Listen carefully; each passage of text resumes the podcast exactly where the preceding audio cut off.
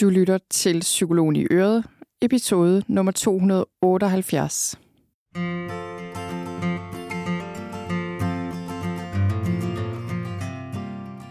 Velkommen til Psykologen i Øret.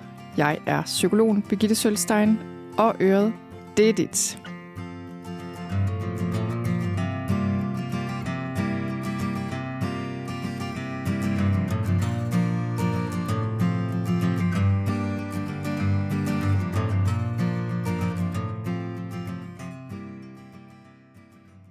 Velkommen til, og velkommen tilbage fra ferie, hvis du også har haft ferie. Podcasten har holdt en form for ferie. De sidste fire uger har der været ferieepisoder, så nogle best-of-episoder, der har kørt hen over sommeren, eller i hvert fald de sidste fire uger. Og øhm, jeg har ikke holdt ferie alle de fire uger, men, øh, men jeg har jeg har en følelse af på en måde har holdt en meget lang ferie i år, og på den anden side ikke så lang ferie. Det er sådan lidt, det er lidt mærkeligt. Og, jeg, og det er fordi, vi var ude at rejse i lang tid, i fem uger først. Og det er fem uger siden, eller sådan noget, vi kom hjem, måske fire-fem uger siden. Øh, men den rejse var jo en form for ferie, men, men alligevel ikke. For det første arbejdede jeg lidt undervejs, og for det andet var det ikke særlig afslappende det var en god tur, men det var ikke specielt afslappende. Så kom vi hjem. Så holdt jeg helt fri lige nogle få dage, men så har jeg også arbejdet delvist øh, herhen over sommeren på nær lige en uge, hvor vi var i sommerhus. Så, så det er egentlig ikke, fordi jeg har holdt sådan en super lang ferie i år, helt uden arbejde. Men altså, jeg håber, at du derude også har haft en god sommer og en god ferie og at du føler dig tanket op og ja, klar til hverdagen igen. Og det synes jeg egentlig, jeg gør. Jeg tror bare, jeg skal lige i gang. Det er ligesom om, måske har jeg ikke været helt 100% nede i gear, men til gengæld så har det som om, okay, jeg skal lige, jeg skal lige sådan, det, det tager mig lige lidt tid at komme i gang. Komme sådan helt op i gear igen. Men det er også okay. Og øhm, ja, men podcasten i dag, den her episode, den handler om, hvad jeg har lært indtil videre i mit nu 45 år lange liv. Jeg synes selv, jeg har lært utrolig mange ting. Øh, der dukkede 100.000 ting op, da jeg begyndte at tænke på at dele nogle af dem her i den her episode. Men, øh, men det blev til 25 ting, som jeg gerne vil dele med dig her, som, øh, som jeg har lært i mit liv indtil videre. Og øh, det er det, det kommer til at handle om i dag. Og jeg blev 45 i sommer i maj, og det kunne jeg godt mærke var et ret så skarpt hjørne. Det var det bare. Det var en meget større ting for mig, end at blive 40 af en eller anden grund. Jeg ved ikke helt, hvad det var. Jeg tror, da jeg var 40, der var jeg egentlig på nogen måder et rigtig godt sted og et spændende sted. Jeg tror nok, det var lige inden vi flyttede.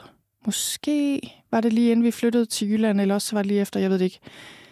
Nå, men i hvert fald, der var mange ting, sådan mange brikker, der faldt på plads og var faldet på plads, og der var ro på mm, forskellige fronter, og jamen det er sådan, jeg synes, øh, da jeg var 40, der tænkte jeg, det går da meget godt. Jeg har da ingen 40-års krise overhovedet, hverken over min alder, eller over mit ægteskab, eller over noget som helst. Det, øh, det er da okay at blive 40. Da jeg så blev 45, der havde jeg det anderledes. Og det er nok også fordi, jeg tror, at det først er nu her inden for det seneste år måske. Jeg synes, jeg har kunne mærke sådan for alvor på min krop, at jeg begynder at blive ældre. Altså, det har jeg også kunne mærke før, men ikke så meget faktisk. Jeg har ikke tænkt så meget over det. Jeg synes ikke, jeg sådan har haft skavanker, der var aldersrelateret, eller jeg har heller ikke jeg tror, at kvinderne i min familie har en historik med at gå ret sent i overgangsalderen, så det har jeg heller ikke oplevet. Øhm, men, men jeg, og det oplever jeg heller ikke nu, men jeg, jeg begyndte sådan at opleve nogle ting i forhold til min krop. Okay, hvis jeg ikke passer på den, så kommer der altså nogle skavanker og nogle ting og sager, øh, som har været svære, som, som bare gør, at at det, øh, jeg synes bare, det var noget helt andet at blive 45. Og så, øh, så synes jeg også bare, at det er det der med, jeg føler ligesom, okay, så er jeg halvvejs i mit liv. Altså i bedste fald er jeg halvvejs i mit sådan, hvad skal man sige, jeg har sådan en idé om, Jeg vil gerne blive rigtig gammel. Øh, heldigvis, altså forhåbentlig sund og gammel. Øh, det er jo ikke et mål i sig selv at blive gammel, men jeg vil rigtig gerne blive 104 eller 106. Og så har jeg sådan et billede af, jamen indtil jeg er omkring 90, så kan jeg arbejde i et eller andet omfang, og så begynder jeg at drosle ned. Og sådan. Lad os bare sige, det sker. Så, så er jeg jo halvvejs i hvert fald i mit arbejdsliv, mit aktive liv. Og det tror jeg bare har... Det, det slog mig simpelthen øhm, okay, det her liv, det var ligesom ikke evigt. En stor del af det er gået. Jeg bliver nødt til at gøre en eller anden form for status. Øhm, og det tror jeg, jeg har gjort lidt på egen hånd. Og det er nogle af de ting, jeg, øh, jeg sådan har taget notits af, som jeg har lært, og, øh, og sådan, ja, ind i mig selv har tænkt, okay, okay, det, det her er nogle ting, jeg virkelig altså, har erkendt efterhånden, og har lært. Og, øh, og de ting vil jeg gerne dele med dig her, og så håber jeg, at du kan bruge det til noget. Forhåbentlig er der noget, du kan genkende også. Nå, lad os springe ud i det. Den første ting, jeg vil nævne her, som jeg har lært, især de senere år, det er nogle udfordringer og nogle sorger, vil jeg også sige, er livslange. Og det er okay. Jeg tror, at tidligere der har jeg tænkt, og, det, og jeg tror, der er en tendens til, at vi beskriver udfordringer som noget, vi overvinder en gang for alle, og så lever vi ellers lykkeligt til vores dages ende, ligesom. Og det samme med sorg, synes jeg, der kan være en tendens til, det er ligesom noget, vi gennemlever og bearbejder, og sådan væk. Og det er jo ikke sådan, altså sådan er det jo med nogle udfordringer og nogle former for sorg. Det har jeg også oplevet. Men det er ikke sådan, alle udfordringer er skruet sammen, og heller ikke alle typer af sorg. Fordi nogle af os kæmper med udfordringer, som er livslange. Det kan være besværlige familiemedlemmer. Det kan være en kronisk sygdom. Det kan være, vi tilhører en minoritet, hvor der konstant er udfordringer med, at man bliver chikaneret. Hvad ved jeg? Altså, der er jo mange udfordringer, der ikke bare sådan lige kan overvindes. Og det samme med sorg at nogle typer af sorg er ikke noget, der bare går over, men noget, vi lever med, og noget, som fylder mere i perioder end andre, eller noget, som kan blive vækket ind imellem. Øh, ikke at vi er kede af det for evigt, men mere som ligger der som mere en livslang ting. For eksempel hvis vi mister nogle nærtstående, øh, hvis vi mister et barn, hvis vi bliver skilt og måske bare bliver ved med at være kede af det. Øh, det kan være, at vi mister en ægtefælle til et misbrug. Øh, altså der kan jo være, hvis vi er barnløse for eksempel, og ikke selv har valgt det, øh, ikke at få børn. Der kan være at få et børn med handicap, skulle jeg hilse at sige, øh, er efterhånden gået op for mig, det her det er en sorg, der kommer og går. Øh, og det er ikke en, jeg bare sådan bearbejder, og så går den væk. Og det er okay.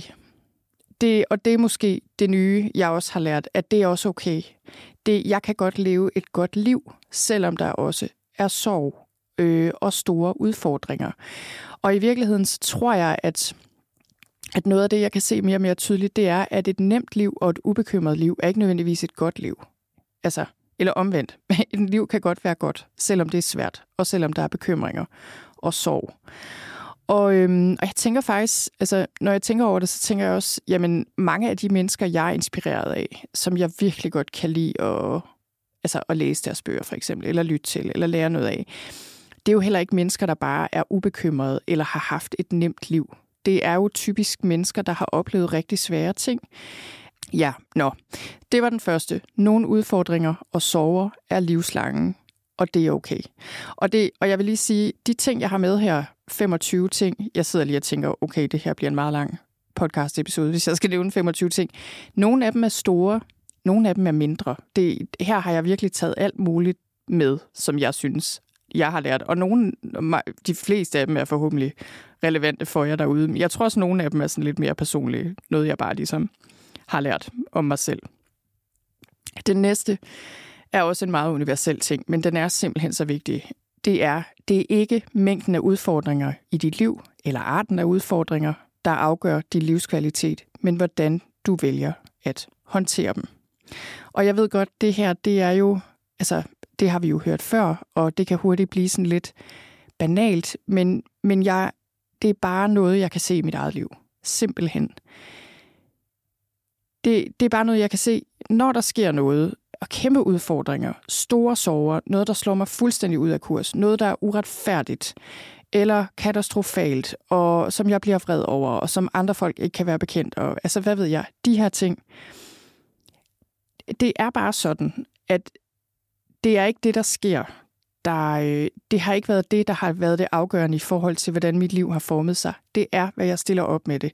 Og det er jo ikke sådan noget med, at man skal være konstruktiv fra det første sekund. Overhovedet ikke. Det, det er en mega vigtig del af enhver proces, at man er vred og ked af det, og også går helt i hundene måske en overgang og spiser alt for meget, eller ser Netflix i flere uger, eller I don't know. Altså, det er jo ikke noget med, at man skal håndtere noget perfekt, men det er det der med i det lange løb, så bliver vi nødt til selv at vælge at håndtere tingene på en konstruktiv måde og få hjælp til det, hvis vi har svært ved det.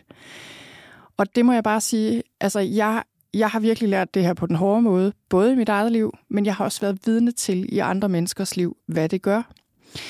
Når man ikke tager ansvar for sin egen måde at håndtere udfordringer på. Når man håndtere ting ved at lukke i, vende ryggen til, ved at gøre ting, der er ødelæggende for en selv eller andre. Det kan være øh, at drikke en hel masse, eller spille en hel masse, eller arbejde en hel masse, eller bare blive vred og indebrændt og være, altså, føle sig som et stort offer og give alle andre skylden. Og det er bare, altså, det kan godt lyde lidt hårdt det her, men, og jeg tror jo ikke, nogen vælger at drikke sig ihjel, for eksempel. Altså, det er der jo ikke nogen, der vil. Men man må alligevel sige, fra dag til dag, der, der bliver den enkelte nødt til at prøve at tage et ansvar og sige, okay, jeg kan se, jeg har et problem her. Hvordan kan jeg få hjælp? Jeg bliver nødt til at tage den beslutning ind i mig selv om at gøre noget andet, så jeg ikke smadrer mit liv øh, endnu mere. Så, så det, det er bare min erfaring, at, øh, at jeg vælger selv, hvad min indstilling er. Og hvis jeg vil videre på en god måde, så begynder det med mig. Det er ikke nemt, men det begynder med mig. Okay. Så kommer nummer tre, som måske hænger lidt sammen med nummer to. Forudsætningen for forandring er, at jeg kan se på mig selv med ærlige øjne, men også milde øjne, og tager ansvar for min egen adfærd. Så det er sådan lidt det samme, men jeg tror, når jeg sådan har, har skrevet det ned, fordi jeg har skrevet de her ting ned, da jeg sad og, og tænkte over, okay, hvad har jeg egentlig lært? Altså, hvad er, hvad er status indtil videre øh, på, hvad jeg har lært? Det er det der med ærligheden. Og kultur og lave det, man kunne kalde en uforfærdet moralsk selvrensagelse. Og lige præcis det her begreb, en uforfærdet moralsk selvrensagelse, det har jeg faktisk fra de 12 trin, som de bruger i AA, og som de også bruger i mange, altså alle andre 12-trinsprogrammer, der er for pårørende til alkoholikere, men der er jo 12-trinsprogrammer, især i USA, for alt muligt. Alting i hele verden. Og jeg tror på, øh, jeg har selv brugt de 12 trin, ikke fordi jeg har drukket for meget, men fordi jeg har været pårørende til en. Det gjorde jeg i mine 20'ere. Det har hjulpet mig helt ekstremt meget. Jeg tror på de trin. Øh, jeg tror på, at de har de har ligesom øh, kraften til at forandre noget helt grundlæggende i vores liv. Og et af de trin handler om at se på os selv med fuldstændig ærlige øjne, altså uforfærdede øjne, og lave en selvrensagelse. Og det er det der med at kunne det, det kræver jo, at vi ikke bliver for selvfordømmende og ikke drukner i skyld og skam. Og det, og det er derfor, det er så svært, fordi når vi virkelig ikke har opført os særlig ideelt, og det er der jo bare nogle gange, vi ikke har, øh, når vi virkelig har ødelagt tingene for os selv og os andre, så har vi meget skyld og skam, og så kan vi næsten ikke holde ud og se på os selv og kigge på vores egen adfærd. Så det er det der med ærlige, men milde øjne. Vi, det bliver vi simpelthen nødt til, fordi ellers kan vi ikke ændre noget. Altså, det tænker jeg jo, der giver meget god mening. Man kan ikke ligesom, man kan ikke løse et problem, hvis man ikke tør at kigge på det og tage ansvar for det. Og jeg synes faktisk også, øh, altså det der med at tage ansvar for vores egen adfærd, jeg synes noget af det, som jeg har haft rigtig god gavn af, det er nemlig det der med at fokusere på min egen adfærd og tænkt, okay, jamen jeg skal simpelthen opføre mig ordentligt. Altså, det lyder sådan lidt banalt, men det der med, jeg må begynde med mig selv, opføre mig ordentligt også selvom jeg synes, andre ikke gør. Og opføre mig ordentligt er jo ikke noget med, at jeg skal sige ja til alt, eller bare øh, lade være med at sætte grænser eller noget. Og opføre mig ordentligt og ligesom have en sund og fornuftig adfærd, for mig i hvert fald, er jo også netop at få sat mine grænser og sat ord på mine følelser og få hjælp, når jeg har brug for det. Men det der med tilbage til at være ærlig over for mig selv. Og jeg tror, at hvis vi skal kunne det, så har vi brug for det her milde og kærlige blik på os selv. Og jeg tror rigtig tit, vi har brug for andre vi har simpelthen brug for andres hjælp til at, at få det blik på os selv. Det var det, jeg fik hjælp til, blandt andet ved, de 12, ved hjælp af de 12 trin i mine 20'ere, men jeg har også fået hjælp til det andre steder, gennem andre mennesker, jeg har kendt i mit liv, eller terapeuter, eller hvad, bøger nogle gange, hvad det nu har været. Og, øh, og jeg tror, at i mit arbejde som psykolog har jeg de senere år beskæftiget mig rigtig meget med mindful self-compassion. Jeg er videreuddannet af, af forskellige inden for den retning. På Gilbert, øh, Christopher Germer, Christine Neff. Men mindful self-compassion er egentlig mindfulness, bevidst nærvær, men med compassion. Med kærlighed og venlighed og medfølelse. Og det er den ingrediens, vi skal putte ind i vores blik på os selv, hvis vi skal kunne forandre noget det er også vigtigt i forhold til, hvordan vi ser på andre. Men altså, men det her, det var, øh, ja, det var nummer tre. Det er det der med forudsætning for, for forandring. Det er ærlighed, men også at vi ser på os selv med milde øjne, og så tager ansvar for vores egen adfærd. Nå. Nummer fire. Jeg har lært, at det vigtigste for mig som mor er, at mine børn føler sig elsket og accepteret, som de er. Og det virker måske også sådan lidt, om det er det ikke Siger det ikke sig selv, eller synes alle møder ikke det? Og jo, det tror jeg. Men jeg tror bare desværre nogle gange, så kommer vi til ligesom at lade vores frygt styre, øh, eller vores egne ambitioner nogle gange, eller forventninger til, hvad vores børn skal, eller forhåbninger, vores frygt for, jamen hvis de ikke lærer at opføre sig ordentligt, så kan de ikke klare sig. Altså alle de her ting. Jeg føler tit, at min frygt kan stå i vejen for min umiddelbare accept og kærlighed. Og igen, altså accept og kærlighed er jo ikke, at de bare får lov til hvad som helst, og jeg bare altid synes, de er altid, uanset hvad de siger eller gør. Altså overhovedet ikke. Jeg tror faktisk, hvis du spørger mine børn, og måske også andre, jeg tror, jeg er en forholdsvis streng mor på nogle måder. Jeg er ikke tilhænger af det der med at være venner med sine børn, og mine, mine børn behøver ikke at kunne lide mig overhovedet, og det, øh, det kan de helt sikkert ikke en del af tiden. Men men det er bare gået op for mig, at det vigtigste for mig, det er, at de føler sig elsket og accepteret, som de er. Deres evner i forhold til, hvad de kan i skolen, eller hvad de, altså, hvad ved jeg, altså det, det er sekundært. Og det er sådan, det er jo ikke fordi, jeg ikke har forventninger til dem, fordi det har jeg. Jeg har nogle meget klare forventninger til mine børn. Men, men det er virkelig vigtigt for mig, at de føler på et dybt plan, at at de er elsket og accepteret, som de er, at de altid vil føle, at de kan komme hjem og sige hvad som helst, at de kan, vi kan snakke om alt. Der er ikke noget, der er hemmeligt eller tabubelagt. De kan komme hjem og fortælle, hvis de har begået en fejl, uanset hvor stor den er, og så går det nok. Altså sådan noget. Og, og det, er, det er ligesom et skift, der er sket, hvor jeg tror, jeg har altid tænkt det og følt det, men jeg er blevet bedre til at, at prioritere det. Eller hvad skal man sige, praktisere det. Det er det, jeg mener. Øhm, det der med ligesom at ja, lade min kærlighed skinne igennem, og lade være med at lade min frygt og bekymringer og idéer og forventninger og samfundets forventninger sådan ligesom skygge over den kærlighed. Og det, og det er også fordi, jeg tror, de udfolder sig bedst og bliver sig selv bedst muligt, hvis jeg ligesom bare kan lade min kærlighed skinne på dem og hjælpe dem så godt som muligt, uden at ville forme dem på en bestemt måde. Ja, okay. Nå, nummer 5. Daglig yoga, eller qigong, eller noget andet, gør en kæmpe forskel for kroppen, når man er 45. Og det her, altså helt seriøst, det er virkelig noget, jeg har oplevet de senere år, og det har du måske også derude, hvis du har samme eller daglig yoga, eller yoga i det hele taget en gang imellem, gør en kæmpe forskel for kroppen. Altså, det er ikke fordi, jeg har en daglig yogapraksis, men jeg, har, jeg dedikerer mig mere og mere til det, en halv times yoga de fleste dage, fordi jeg simpelthen kan mærke forskellen så meget. Og, øh, og nogle gange i perioder er det også Qigong, som, øh, som jeg faktisk er uddannet instruktør i, men det bruger jeg mere i perioder, hvor jeg sådan har brug for måske at hele noget, eller komme ud af stress, eller sådan. Det har sådan lidt en anden funktion. Jeg bruger det også i mit arbejde med stress. Men yoga, altså 5 minutter eller 10 minutter, eller en halv time, som, som jeg gør nu om dagen, det, det gør en kæmpe forskel. Jeg er helt sikker på, at jeg ville have ondt i ryggen og alt muligt andet hele tiden, hvis jeg ikke dyrkede yoga på jævnlig basis. Øh, jeg kan virkelig mærke det, hvis jeg ikke gør det i en periode. Her hen over sommeren, der var der fem uger, hvor jeg ikke dyrkede noget som helst yoga, fordi vi var ude at rejse, og det blev ikke rigtigt til noget. Jeg havde ikke rigtig nogen yogamåtte det, det var første gang i, i lang tid, jeg har droppet yoga så længe, og det kunne virkelig mærkes. Jeg vil faktisk sige, at det kan stadig mærkes, selvom jeg har været i gang med yoga nogle uger nu. Og det er bare en forskel fra da jeg var 35, hvor det var sådan, whatever. Jeg har ikke dyrket yoga i nogle uger, så gør jeg det, og to dage efter er jeg inde i min yogaform igen.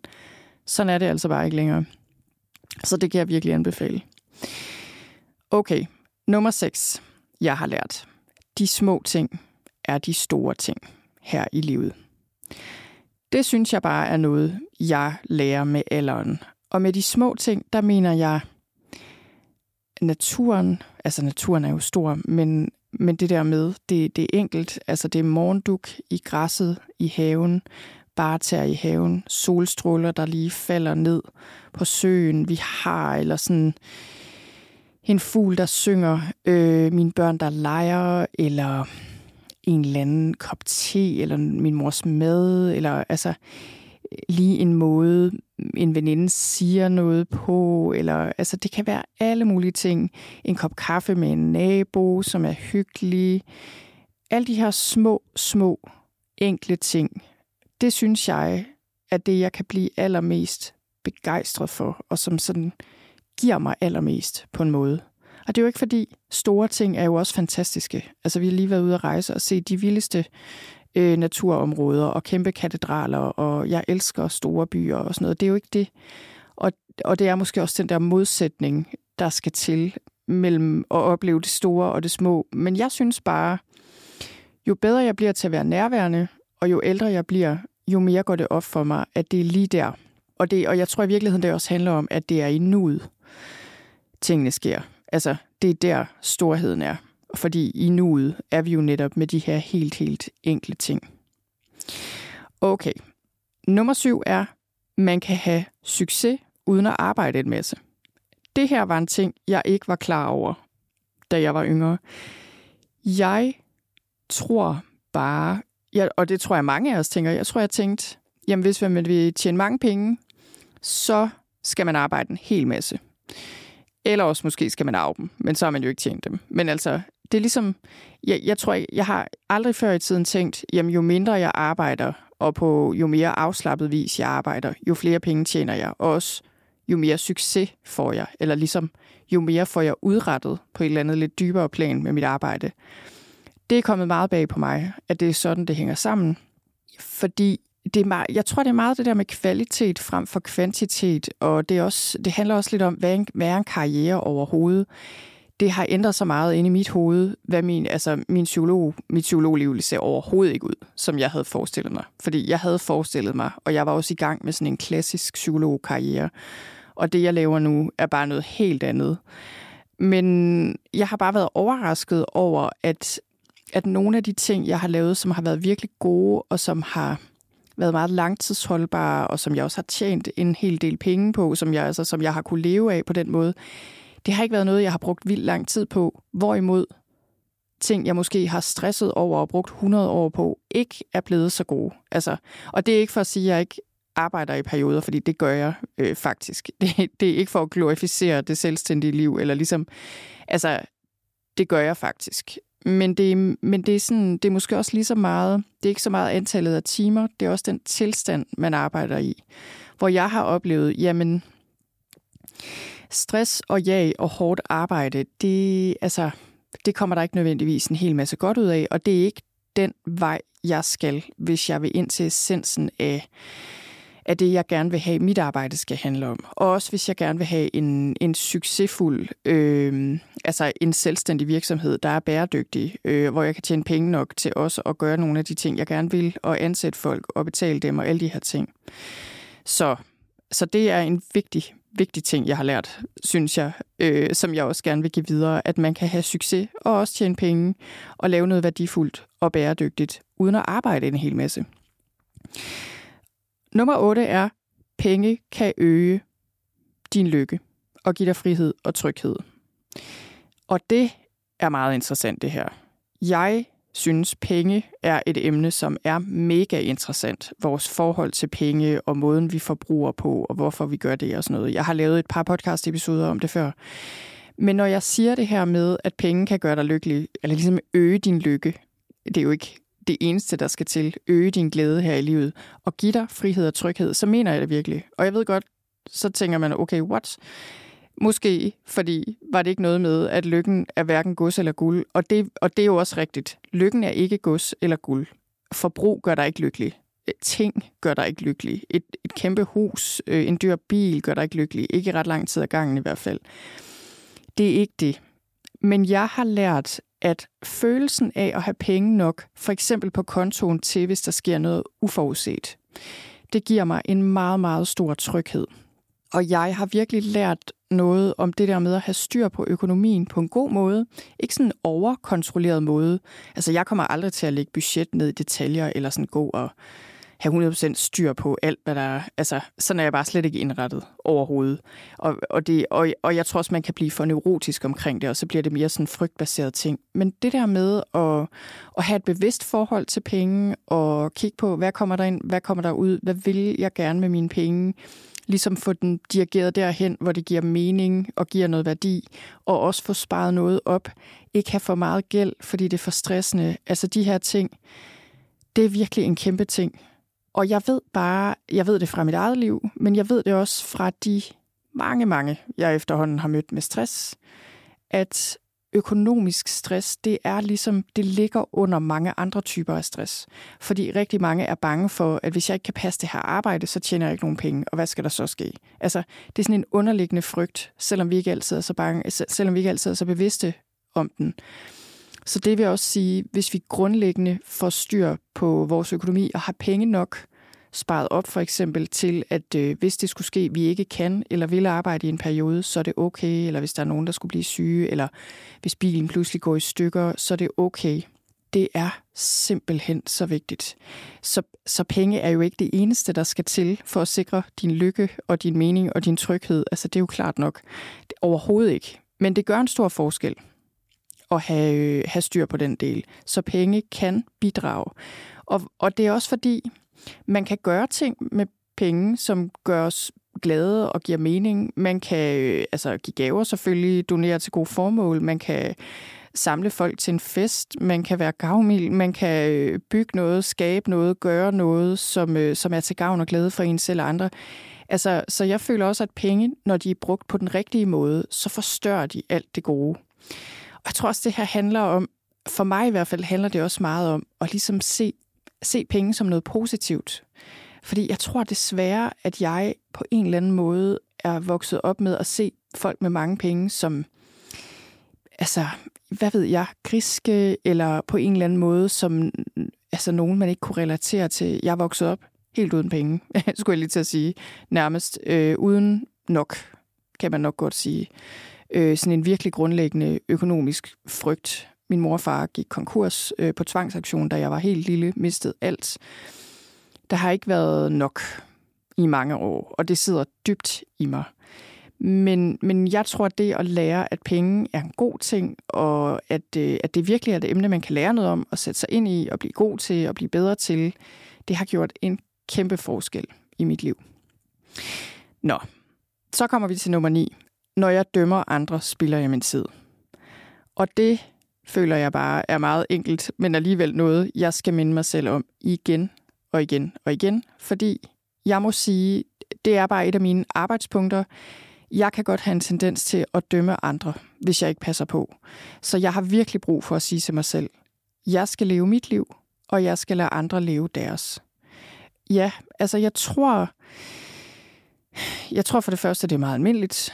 Øhm, men jeg kan også se, hvad det er, der sker, i hvert fald for mit vedkommende, hvis jeg bliver for optaget af andre og ligesom dømme deres adfærd, eller måske altså hvis folk siger noget irriterende, eller noget, jeg er uenig i, eller sådan noget, så, så går jeg i gang med at dømme dem, og så er det ligesom om, jeg forlader min egen business og går over i deres business, og så er jeg ikke længere i gang med at tage ansvar for mit eget liv.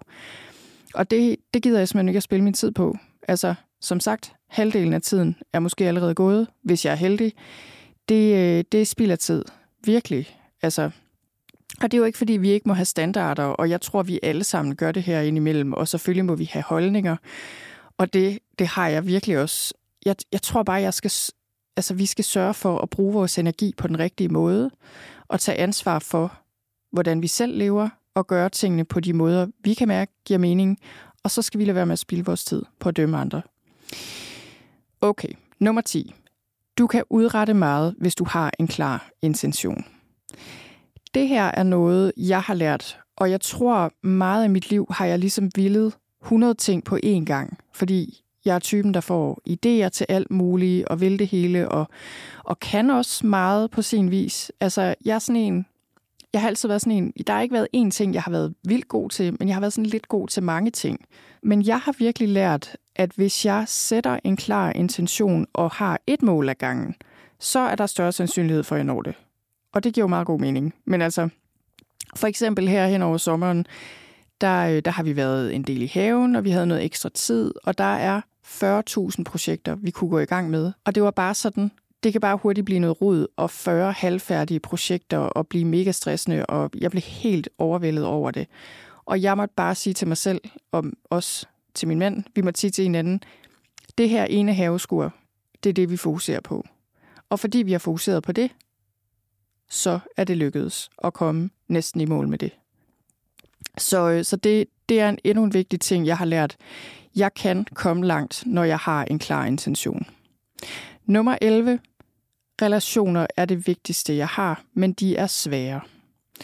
Og, og det her, altså, det har I jo nok også lagt mærke til derude. Relationer er mega besværlige. Altså især de nære relationer, dem vi har til langvarige i langvarigt parforhold, eller til børn, eller til vores forældre, eller søskende, eller svigerfamilier, eller øvrige familie, eller venskaber, eller kolleger måske. Men, men især de her nære relationer, de er mega besværlige. Mega, mega besværlige. Men de er også det vigtigste, vi har.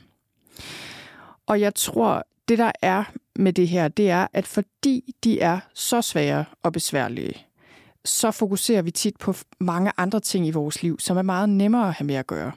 Lad os sige, vi beslutter os for at komme i form til en maraton, fordi det er sådan, det, det kan man jo forholde sig til. Det, det er rimelig livet af landevejen på en eller anden måde. Det er mere enkelt end at finde ud af en langvarig relation, der er besværlig. Det samme med arbejde. Mange af os fordyber os vildt meget i arbejde, fordi det er nemmere og sjovere og mere givende, og vi får masser af ros og anerkendelse for det. Det er meget nemmere end at, bruge, end at investere i nogle af vores nære relationer, som er svære. Men jeg må, jeg må bare erkende, øh, jo længere tid jeg lever, jo mere kan jeg se, jeg skal passe på, at jeg ikke lader mig aflede af de her projekter eller ting, jeg gerne vil opnå, som er som ligesom altså er svære nok måske. Altså for mig kan det for eksempel også være ting, jeg gerne vil nå med min psykologvirksomhed, og ligesom ting, jeg gerne vil udrette i den arena. Så det er jo ikke, fordi de er nemme, men de er nemmere for mig, end at håndtere mange af de her nære relationer. Og langt sjovere er det også ofte at arbejde. Men det andet er vigtigere. Så det er virkelig vigtigt, at jeg minder mig selv om, hvor vigtigt det er, og at jeg investerer min tid og energi i det, selvom det ikke er sjovt, og selvom det ikke er nemt. Ja, så kommer vi til nummer 12. Pointen er ikke, hvor længe jeg lever, men hvordan jeg lever. Og det her, altså det er jo egentlig rimelig enkelt også. Og det, var, det var det der, jeg sagde, jeg har haft den her, jeg har den her idé om, jeg vil gerne leve godt og længe, og jeg vil også gerne leve godt og længe sammen med min mand. Og altså, hvem vil ikke det, tænker jeg jo. Men jeg tænker egentlig også især, hvis man har børn, øh, måske, og andre mennesker, man holder af og kender, og som er afhængige af en, øh, så vil man gerne leve så længe som muligt når man har et barn med et handicap, som nok ikke kommer til at kunne passe på sig selv, så, har, så tror jeg især, man har det sådan. Jeg, jeg synes faktisk, det kunne være meget interessant at se på statistikker om forældre til handicappede børn lever længere, fordi det, det kunne jeg godt have en fornemmelse af, at de gjorde. Jeg tror i hvert fald, men jeg føler, man har god grund til det. Fordi når man ikke er der længere, så er man bange for, jamen, hvem skal så passe på vedkommende?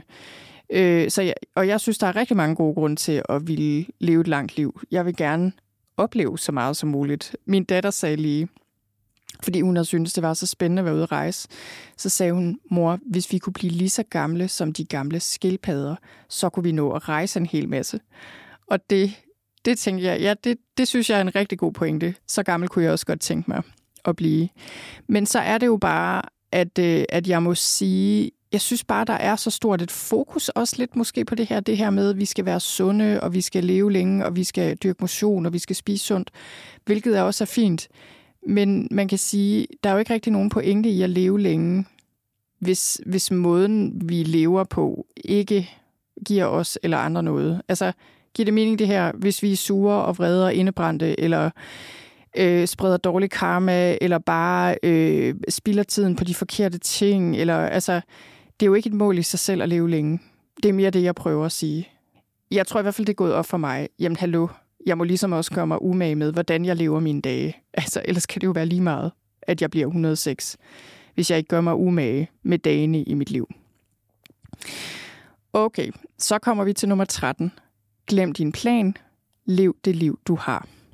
Det her er en stor ting. Øhm, og jeg tror, mange kan relatere til det her, at øh, man har en plan, og så kommer livet, og er slet ikke ligesom den plan, man havde. Og det er en stor skuffelse. Og, øh, og jeg tror bare, at mange af de problemer, vi har, og også den lidelse, vi har på indersiden, den bliver skabt af den modstand, vi har mod tingene, som de er, versus hvordan vi ville ønske, de var. Og det tænker jeg jo er meget forståeligt. Altså, det er jo ikke, det er jo ikke små ting, vi snakker om her. For eksempel, hvis vi mister vores børn, eller tingene går helt galt, eller vi mister evner, eller vores førlighed, eller der sker noget slemt, nogen gør os ondt. Altså, det er jo ikke, det er ikke for at bagatellisere, når tingene ikke går efter planen, og når slemme ting sker. Det er bare, at vi bliver nødt til at justere ind på et eller andet tidspunkt og leve det liv, vi har, og acceptere de ting, der er sket og sker, og erkende, øh, hvordan virkeligheden er, og ligesom samarbejde med virkeligheden, fordi det får vi mest ud af. Det, det må jeg bare sige. Det har jeg erfaret. Nummer 14. At have et formål med livet er det bedste, du kan gøre for dit fysiske helbred. Det, det er sådan lidt i familie med det andet, jeg sagde, men det er ligesom, jeg tror bare, det er noget af det, jeg også, der virkelig begynder at gå op for mig, at sundhed i forhold til kost og mad. Det er mega vigtigt, og det er egentlig det er noget, jeg går ret meget op i. Ikke at jeg altid formår at efterleve det særlig godt overhovedet, men det er noget, jeg, jeg virkelig tror på. Altså jeg tror på, at kosten er enormt vigtig, og at vi kan helbrede rigtig meget med mad, og, lade være, og vi har også lade være med at spise visse fødevarer, alt det her. Så kost er super vigtigt. Det samme med motion. Selvfølgelig er det rigtig godt at dyrke motion. Alle de her ting. Men jeg tror bare stadig, når vi snakker om sundhed, også fysisk sundhed, så har vi fat i ting, der er sekundære, hvis vi hele tiden snakker om motion og sund kost. Altså, jeg tror, og det er ikke bare noget, jeg tror, det er noget, man kan se på undersøgelser i folkesundhedsvidenskaben, at en oplevelse at have et formål med livet, det er det bedste, vi kan gøre for vores fysiske helbred. Det er den vigtigste faktor. Der er sådan forskellige begreber. I psykologien har vi noget, der hedder sense of coherence, en oplevelse af sammenhæng. Og man kan se, at folk, der har den oplevelse af sammenhæng, trives bedre, har et bedre helbred, lever længere. Så er der øh, Viktor Frankl, østrisk psykiater, som øh, formulerede det, vi kalder logoterapien, som øh, han var, øh, hans tilgang handlede rigtig meget om det her med, at vi kan vi bliver i stand til at overleve øh, nærmest hvad som helst, hvis vi kan finde en mening med det. Øh, omvendt, hvis vi ikke længere oplever en mening med ting, så er vi ikke længere særlig modstandsdygtige. Øh, og der er filosofer og psykologer og læger og alle mulige, der har forsket i det her og tænkt ting øh, omkring det her. Og, øh, og jeg må bare sige, jeg tror virkelig, det er rigtigt. Jeg kan mærke det også på mig selv, det der med, at når jeg henter mine kræfter, og når jeg lever mit liv og prøver at gøre det ud fra et dybere formål. Og det er ikke, fordi jeg sådan føler, at jeg måske helt ved, hvad mit formål er, eller tror, at vi har et formål eller noget. Det er mere sådan en, en følelse af at have et formål, øh, og være der for andre, eller bidrage med noget godt. Eller, altså, der, der er sådan nogle dybere ting, føler jeg, vi kan få fat i inde i os selv, som er så vigtige, og det aller, aller vigtigste i forhold til vores trivsel her og nu, og også hvor længe vi lever, hvor meget modstandskraft vi har. Så, så det er det der med at begynde at, at stille os selv spørgsmål som, hvem er jeg, hvorfor er jeg her, hvad, hvad er det egentlig, jeg skal gøre, hvad er egentlig meningen, hvad kan jeg bidrage med, hvad gør mit hver liv værd at leve, altså at, at komme derhen og, og virkelig begynde at prøve at, at leve i den retning. Okay, og jeg kan mærke på det hele, at, øh, at nu er jeg kommet, nu er der gået et stykke tid, så jeg kommer til lige at speede, speede lidt op her. Men den næste er også meget enkel. Jeg elsker matcha og te i det hele taget. Det er bare en af de ting, jeg har lært. Jeg elsker simpelthen matcha te. Grønt te, man pisker. Jeg elsker det der med at piske det, og skålen, og jeg elsker bare te, og læse om te, og jeg drømmer om at tage på en te-rejse en dag, og det er bare, det er bare en ting, jeg elsker. Nummer 16. Den vigtigste mentale ressource, vi har, er evnen til at fokusere vores opmærksomhed. Og, parentes, den evne er truet på grund af digitale medier. Det gælder både børn, unge og voksne. Og det kunne man simpelthen sige så meget om, og det er noget, der bliver snakket meget om, heldigvis efterhånden. Det er lige nogle år for sent, eller det kan man jo ikke sige måske, men, men jeg føler, at det her, det har været, det har virkelig været, det er virkelig tiltrængt. Fordi det er et kæmpe problem. Det, der er, digitale medier har potentialet til så mange gode ting, men det, der virkelig er problemet lige i forhold til vores, hvad skal man sige, psykologi, øh, det er det der med evnen til fokuseret opmærksomhed, fordi den er så grundlæggende. Den er grundlæggende i forhold til vores evne til øh, mange ting, altså til at mærke, hvordan vi har det, til at ikke blive kabret af tanker, til vedholdenhed. Altså, det er ligesom den måde, som øh, digital teknologi tilskynder os at bruge den på, den ødelægger vores evne til fokuseret opmærksomhed, og det vil også sige, den ødelægger vores evne til at lære og til at oparbejde forskellige evner. Altså, den ødelægger nærværet i vores relationer. Hvor, altså, der er simpelthen så meget i det her, som er... Det er bare en ting. Og det er virkelig noget, jeg har oplevet i mit eget liv. Det er virkelig noget, jeg har lært på egen krop at det er noget, jeg skal være så opmærksom på, og jeg kan mærke, hvor svært det er. Derfor er det virkelig en ting, som jeg synes er værd at nævne. Så den næste er lidt i familie med den, fordi det er, jeg har lært, at vedholdenhed er vigtigere end evner. Og det er sådan en ting, det er virkelig en ting, jeg først har lært i mit voksne liv, fordi jeg er vokset op med at tro, at det er mine evner, der betyder noget.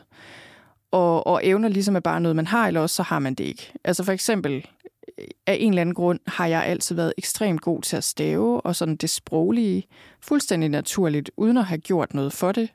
Og det var ligesom bare sådan, jeg tænkte om, okay, sådan er det bare. Og, og jeg, har ikke, jeg fik aldrig lært det der med, okay, men så kan man så arbejde på at blive endnu bedre, eller bruge det til noget, og hele det her med vedholdenhed. Og der er en amerikansk øh, forsker, der hedder Angela Duckworth. Hun øh, forsker i det, man kalder grit på, på engelsk. Så det er sådan grit, det er sådan evnen til arbejdsomhed eller vedholdenhed over tid. Og hun, i hendes undersøgelse kan hun se, at en høj grit score forudsiger dem, altså forudsiger dem, som, som klarer sig godt i længden.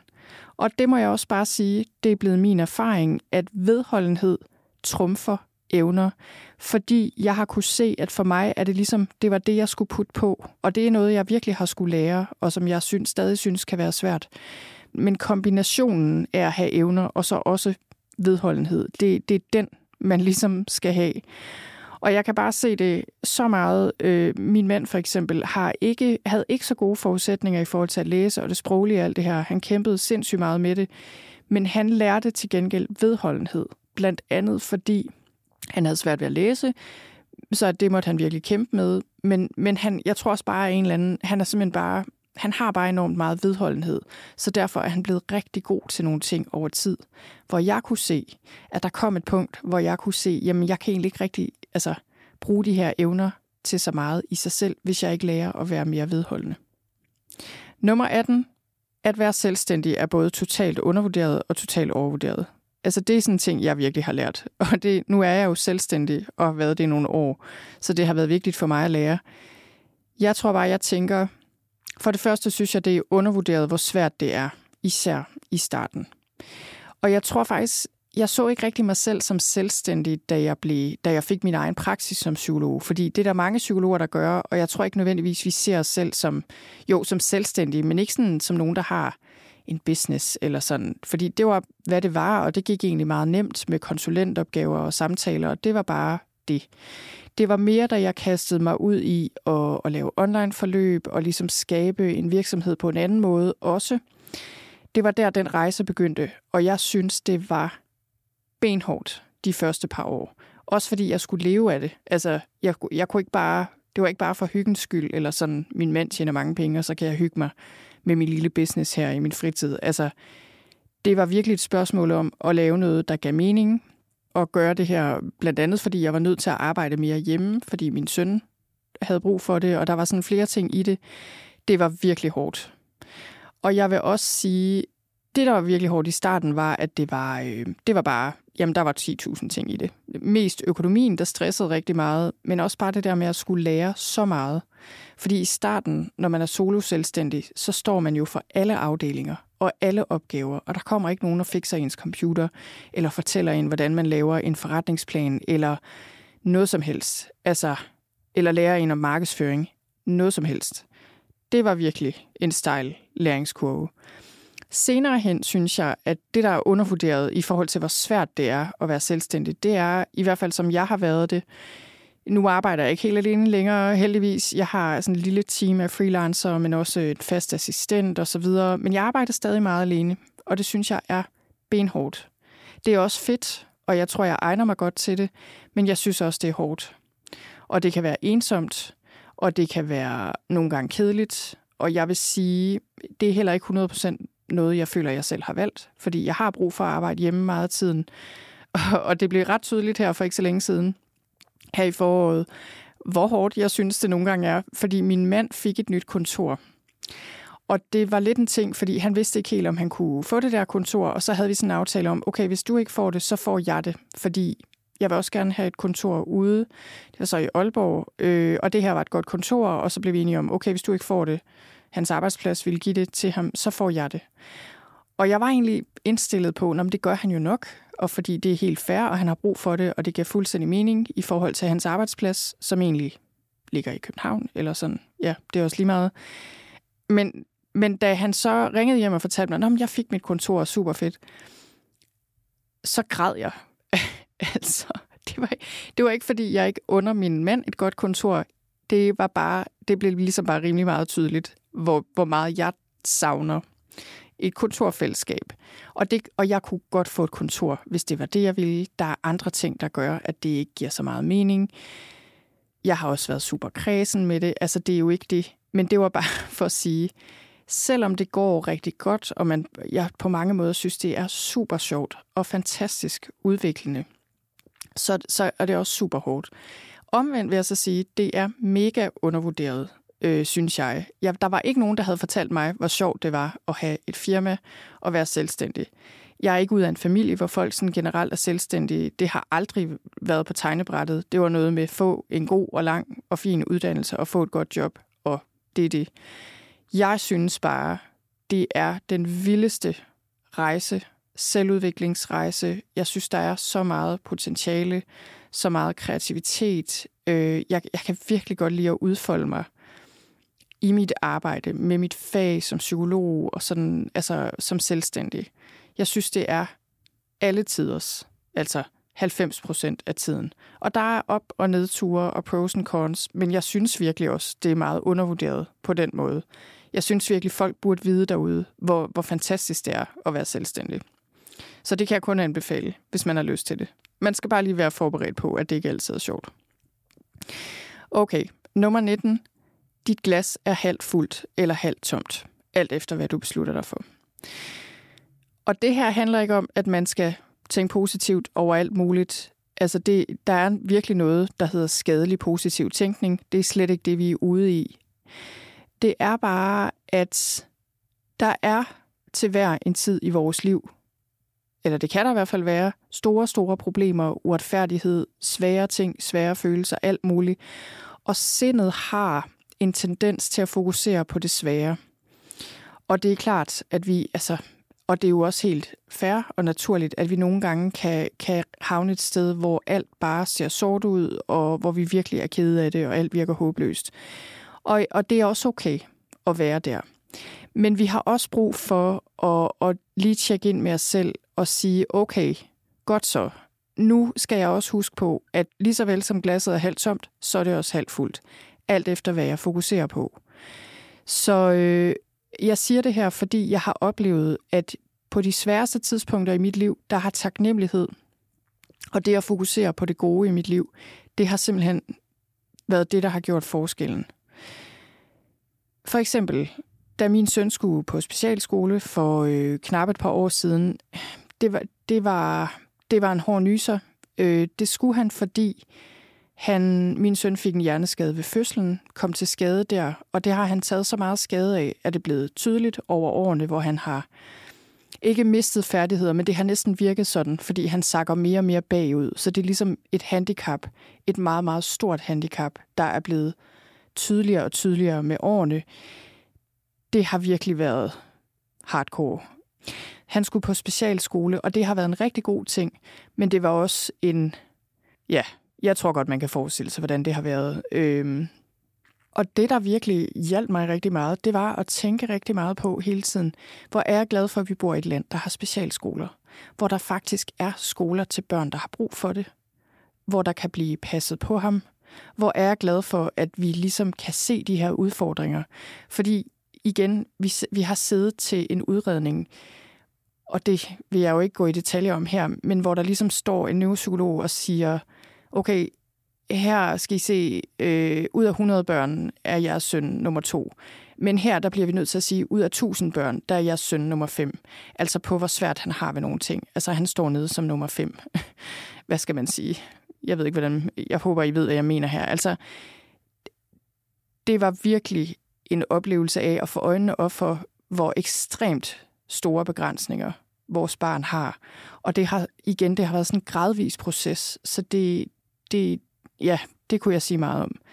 Det, jeg vil sige med det her, det er igen det der med, jeg har virkelig fokuseret meget på, hvor er det fedt, at der står en neuropsykolog her, som er dygtig, som rent faktisk kan få øje på nogle vanskeligheder, sætte ord på dem, udrede dem, vi får det sort på hvidt.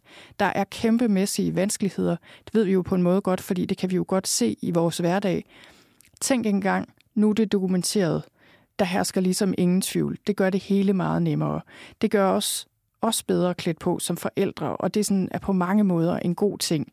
Så det er igen, og det er jo ikke for at feje sorgen væk, eller ligesom lade som om der ikke er noget problem. Det er bare det der med, det vi fokuserer på, fylder vores bevidsthed og smitter af på vores humør.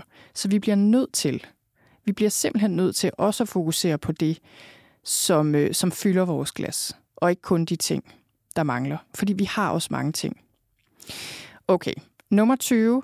Venskaber er vigtige og kan antage mange former. Det her, det er bare en ting.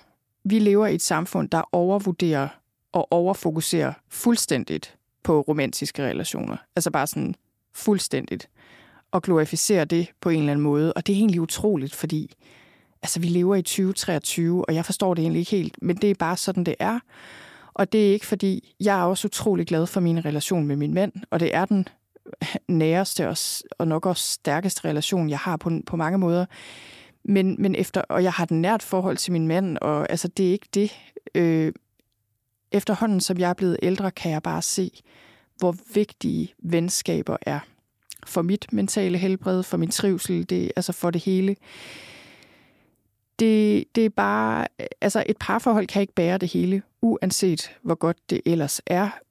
Og jeg, jeg synes bare, vi lever i et samfund, der er ekstremt individualiseret. Det er ligesom, hvis der er noget i vejen med os, så skal vi gå hen til en psykolog, lukke døren, så der ikke er nogen, der kan høre det, og så skal vi finde løsningen inde i os selv, inde i vores eget hoved, så vi kan skynde os ud igen og være fedt for fight og lade som om, der ikke er sket noget. Altså, det er sådan, nu ved jeg godt, jeg sådan undergraver mit eget fag lidt, men jeg mener det virkelig. Altså, jeg, vi har alt, alt for lidt fokus på, at behandling for mentale problemer også indbefatter venskaber fællesskaber, læsekredse, I don't know. Altså, det er simpelthen så vigtigt. Og det er noget, vi kan blive bedre til. Fordi jeg kan se i mit liv, jeg, jeg var så heldig, at jeg, det var overhovedet ikke noget, jeg havde som udgangspunkt. Jeg var totalt lukket som en østers, og havde ikke lært noget som helst om åbenhed eller dybe venskaber. Whatsoever. Men det fik jeg lært i mine tidlige 20'ere, eller sådan i løbet af mine 20'ere, og det, det, det er det mest værdifulde, jeg har lært. Nære og åbne venskaber, og jeg har en lille håndfuld veninder, som jeg ikke ved, hvad jeg skulle gøre uden. Jeg er ikke typen, der sådan har 100 veninder fra gymnasiet eller et eller andet. Slet ikke. Men jeg har nogen, jeg kan ringe til, hvis jeg er ked af det, og hvis det virkelig brænder på. Og det betyder så meget. Men jeg kan også se, at noget af det, jeg virkelig har brug for at blive bedre til, det er at knytte venskaber, nye venskaber. Og, øh, og også at udvide min forståelse af venskaber. Og, og det er virkelig en ting for mig. Det er noget, jeg har fokus på og gerne vil have mere fokus på. Øh, altså venskaber, grupper, naboskaber, interessefællesskaber. Også det der med, at det kan være med ældre mennesker, det kan være med yngre mennesker, det kan være med alle mulige. Det kan være med mænd, det kan være med kvinder. Øh, der er, det er ligesom om, der har jeg nok haft sådan lidt begrænset idé om, at venskaber, det er sådan, altså en del af mine, eller mine nære veninder, det er, sådan, det er folk, der ligner mig ret så meget. Øh, eller også er det folk, jeg har kendt i mange år. Øh, så det der med at evnen til at opdyrke nye, gode venskaber, den er mega, mega vigtig. Okay, 21. Jeg må gerne være mig selv. Der er ikke en rigtig eller forkert måde at være på. Og det, jeg tror bare, det her, det er sådan noget, det ved vi jo godt, og det synes vi jo alle sammen. Men jeg synes, det bliver nemmere at praktisere, jo ældre jeg bliver. Og især en af de ting, jeg kan se, det er det der med, igen tilbage til det der med, med venskaber, at hvis jeg ikke er mig selv, så kommer jeg til at føle mig ensom. Fordi så går jeg rundt og lader, som om jeg er alt muligt andet. Og det, det gør, at jeg kan ikke connecte med folk på et dybere plan, fordi så finder jeg ikke folk, der ligner mig. Så jeg bliver nødt til at være mig selv. Det er jo ikke, fordi jeg ikke skal tage hensyn til andre, men jeg, jeg har brug for at være mig selv, fordi så møder jeg også andre, jeg ligesom har en god kemi med, øh, og som jeg ligner og kan blive venner med, og lave ting sammen med, og har fælles interesser med. Så det er virkelig, jeg skal, jeg skal lade være med at forsøge at være en anden, end jeg er, fordi det er dumt.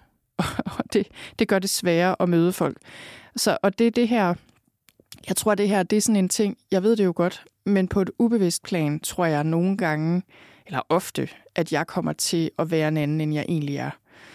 Øh, fordi, ja, fordi det måske giver noget credit, eller fordi jeg synes faktisk, det især er her efter vi flyttede til provinsen, jeg har sådan ting, hvor det, det sidder mere i mig, det der med, at vi ikke skal skille os ud. Og det er sådan, hallo?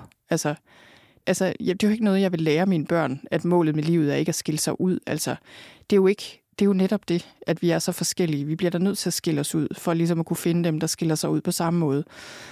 Ja, okay. Jeg tror, I ved, hvad jeg mener. 22.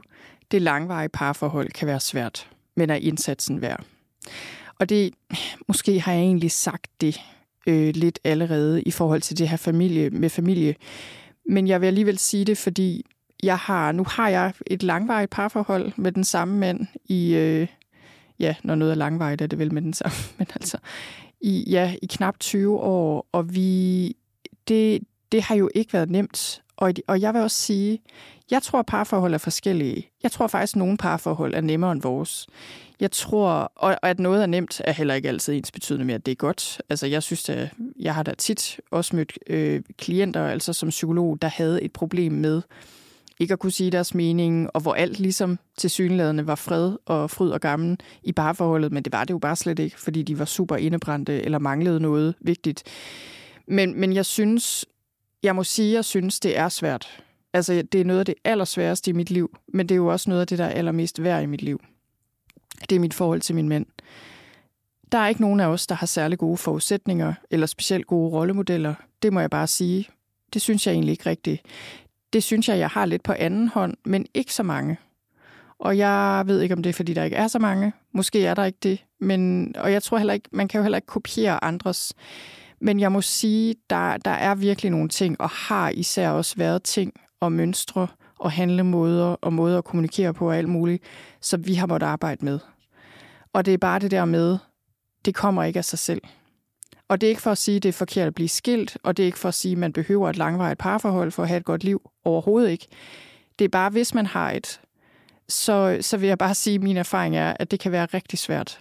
Og det er ikke ens betydende med, at det er dårligt, men det er værd. Det er, det er ligesom, der er, en, der er mulighed for at udvikle sig rigtig meget og lære sig selv at kende, og selvfølgelig en kæmpemæssig værdi i et at have en partner. Men det er også et stort stykke arbejde, og det er ikke nemt. Okay.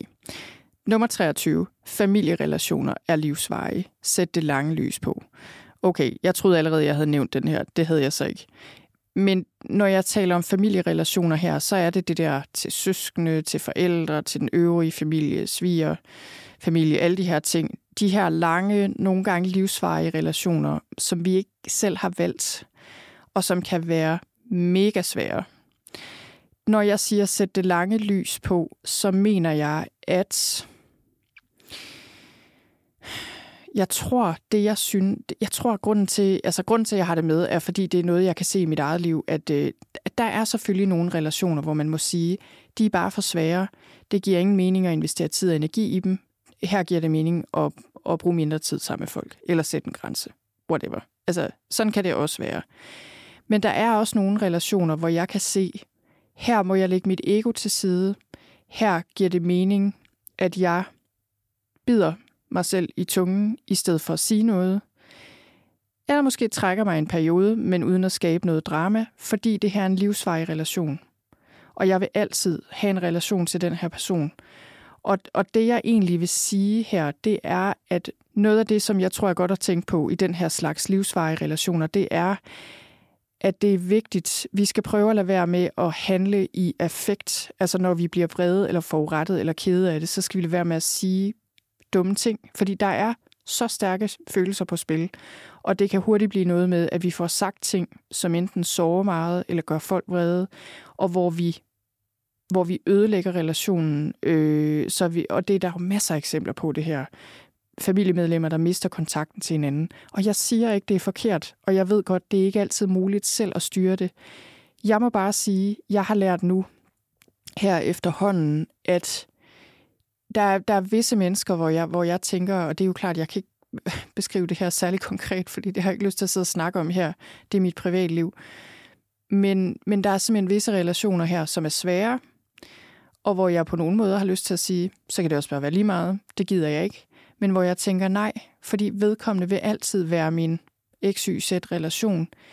Jeg vil ikke risikere at miste den. Jeg vil, jeg, jeg vil simpelthen ikke... Øh, det er det simpelthen for vigtigt til. Det, det er et bånd, der ikke kan brydes. Det er også lidt det. Så derfor må jeg prøve at gøre noget andet, end jeg vil i alle andre tilfælde. Pak mit ego sammen. Tænk på, er der eventuelt et emne, vi kan finde ud af at snakke om, hvor vi kommer op og skændes, eller whatever. Øh, og det er det der med, jeg føler med familie, hvor der er en vilje, er der en vej. Selvfølgelig, hvis man er enige om det. Nogle familiemedlemmer er bare ikke til at arbejde med, og nogle gange er der jo ting indover, som misbrug og ting og sager, hvor man bare må sige, det bliver for svært. Men jeg kommer sådan til at tænke på, øhm, øh, jeg lavede en, øh, et interview med Flemming Langhoff fra Tuba, som er en organisation, der hjælper børn og unge, voksne børn og unge, øh, til alkoholikere, og han beskrev en kvinde, som havde en relation med sin far på den måde, at hun en gang imellem tog til Vestjylland eller sådan noget, og så sad han og drak sin elefantøl, fordi han var alkoholiker og var ikke holdt, holdt op med at drikke. Og så sad de der, og så var det det, og så tog hun hjem igen. Og det var den relation, hun havde til sin far, men det ville hun hellere gøre, end ikke at have nogen relation til sin far, fordi det var den far, hun havde. Og der var noget meningsfuldt i den stund det, det er også bare det, jeg prøver at sige, at det ligesom, selvom det måske virker som om, det er den tyndeste tråd, og det er ikke rigtigt overhovedet af det, man havde håbet, så er det som regel værd at bevare den relation i en eller anden form, fordi det kan være om 10 år, eller 20 år, eller 50 år, at man kan finde en, en bedre forbindelse. Okay. Nummer 24, det er et stort emne, men, men nu springer jeg hurtigt hen over det, fordi vi er ved at nå til vejs ende. Jeg har sådan en idé om, at mine podcast-episoder helst ikke må være over en time. Øh, især ikke, hvis det ikke, ikke er interviews. Men, øh, så, og det tror jeg, at den her er blevet lidt over en time indtil videre. Det kan jeg ligesom mærke på det hele. Men øh, nå, nummer 24. En af de vigtigste psykologiske evner, vi kan tilegne os, eller som jeg kan tilegne mig og blive bedre til, det er at kunne træde ud af tankerne og se dem for, hvad de er. Man kunne også kalde den her evne øh, evnen til bevidst nærvær, eller i ACT, der kalder vi det diffusion, altså den der evne til at adskille os selv lidt fra tankerne, så vi ikke bare bliver kabret af dem. Det kunne man sige helt vildt meget om. Og jeg har lavet andre podcast-episoder, der handler om det. Øh, men det, det er bare, det er virkelig kilden til 99 procent af vores problemer, føler jeg. Altså sådan seriøse problemer. Det er vores manglende evne til at kunne give slip på tanker og lige træde ud af tankerne.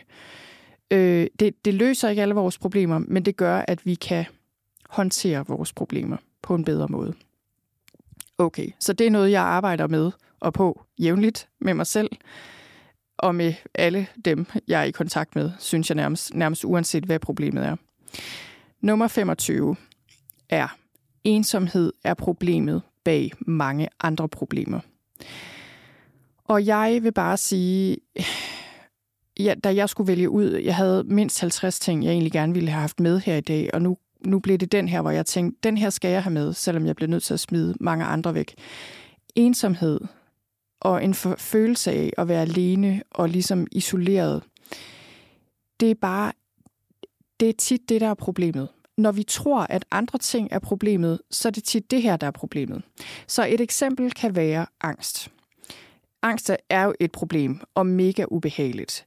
Men der, hvor angst som regel kan eskalere og ligesom virkelig gå hen og blive et gigaproblem og give os håbløshed og depression og begrænse os i livet og alt muligt, det, det er, når angst isolerer os ind i os selv, når vi, ikke, øh, når vi ikke længere kan bevæge os ud i verden simpelthen, fordi det bliver for svært, så bliver vi ensomme og isolerede det er også den der følelse af, at der er noget i vejen med os, og at, det er, at vi er alene om det her. Altså, der sker det med angst, at når vi er sammen med andre, altså taler med andre om præcis, hvordan vi har det, møder nogen, der forstår det og siger, ved du hvad, jeg har fået det præcis på samme måde. Jeg bliver mega svimmel nede i Rema. Jeg forstår ikke, hvad der sker. Det er jo ikke farligt at gå i Rema.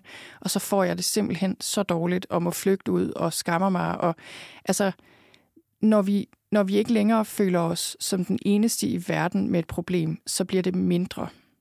Og især med sådan noget som angst, og det er det samme med skam. Og igen, skam er også et problem, der ligger under mange problemer, som spiseforstyrrelser og misbrug og ting og sager. Altså alle de udfordringer, vi kan stå med i livet, indre som ydre, bliver 100 gange sværere, når vi føler os ensomme og føler, at vi står alene med dem.